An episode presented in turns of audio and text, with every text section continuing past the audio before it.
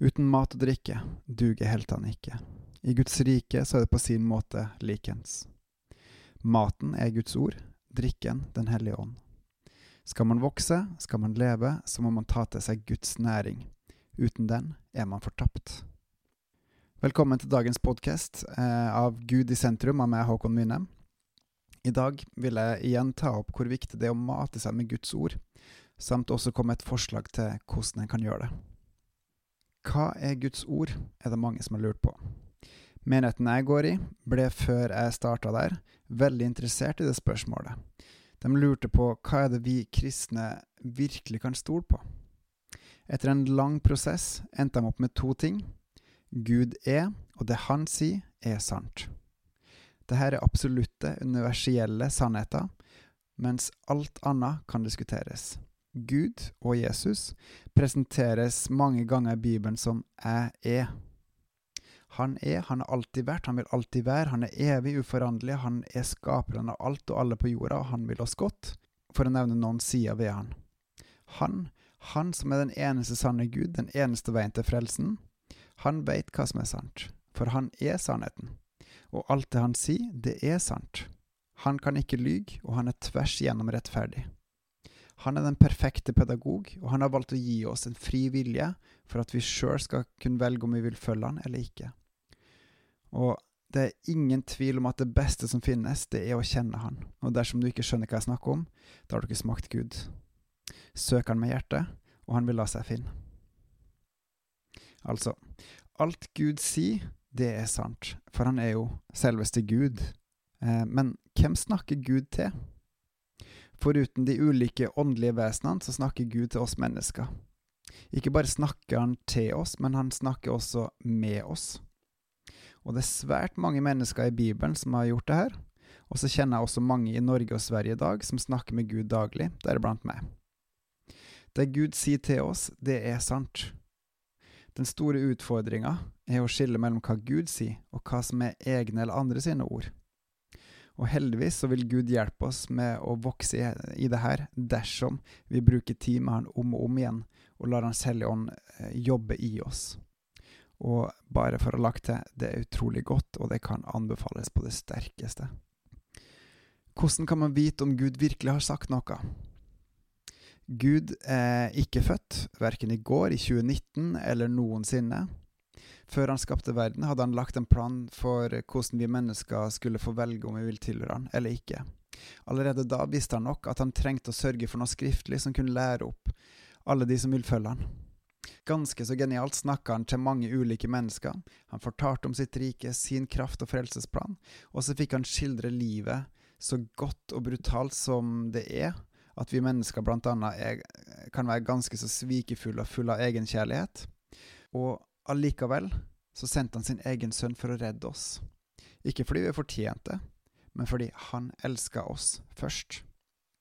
Og nettopp gjennom hans kjærlighet kan vi også lære oss å velge å gjøre det gode, fordi han har vist oss veien til han. Dette er naturlig nok ikke enkelt, og det kreves at man modnes i det. Men da tror jeg også at Gud ganske så genialt har gjort det, sånn at man modnes, blir visere, jo mer man leser i boka hans. Jo mer en leser i den, desto mer forstår en, desto mer forstår en at en ikke forstår henne, faktisk. Og desto mer får en innblikk i det store bildet som Gud tegner seg sjøl, hans rike, hvordan verden henger sammen, og hvordan vi sjøl henger sammen, og hva vi kan gjøre for å få evig liv. Det å tro på Jesus som Kristus, eh, og så vokse videre på Hans ord.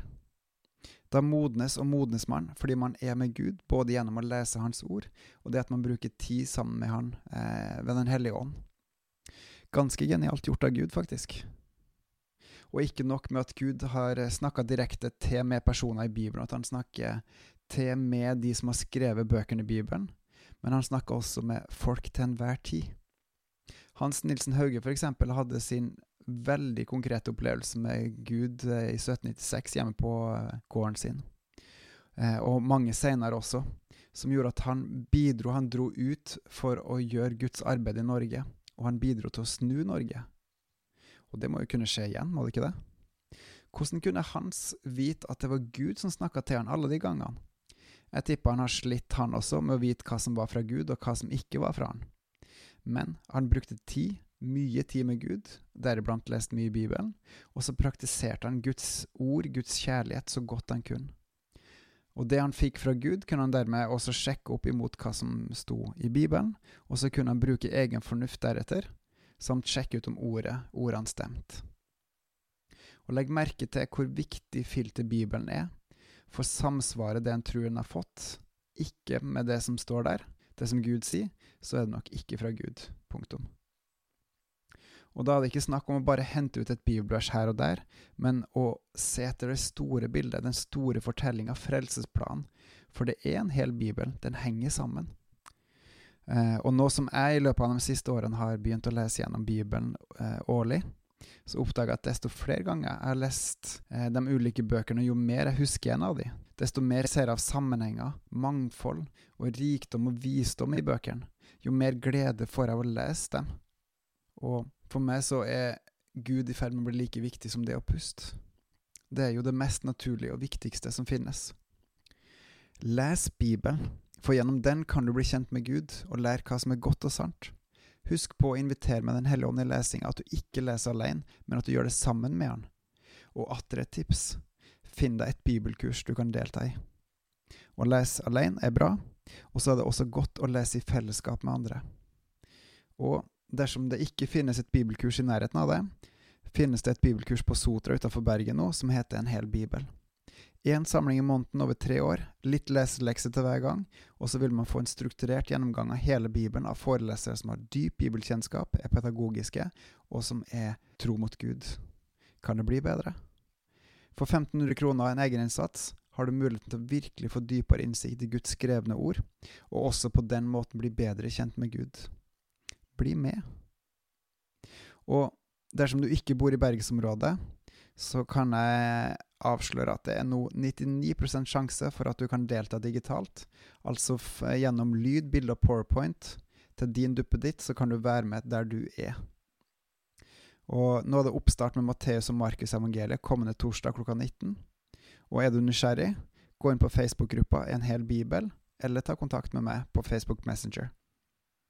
Du er hjertelig velkommen den ene eller den andre veien. Utfordringa er herved gitt. Å lese i Bibelen for å kjenne Gud og vokse i modenhet, både alene og med andre, f.eks. gjennom bibelkurs. Da vil du vokse, fordi Gud lar deg vokse. Da praktiserer du det meste av bebels, så dermed så er det vel bare å si på gjensyn.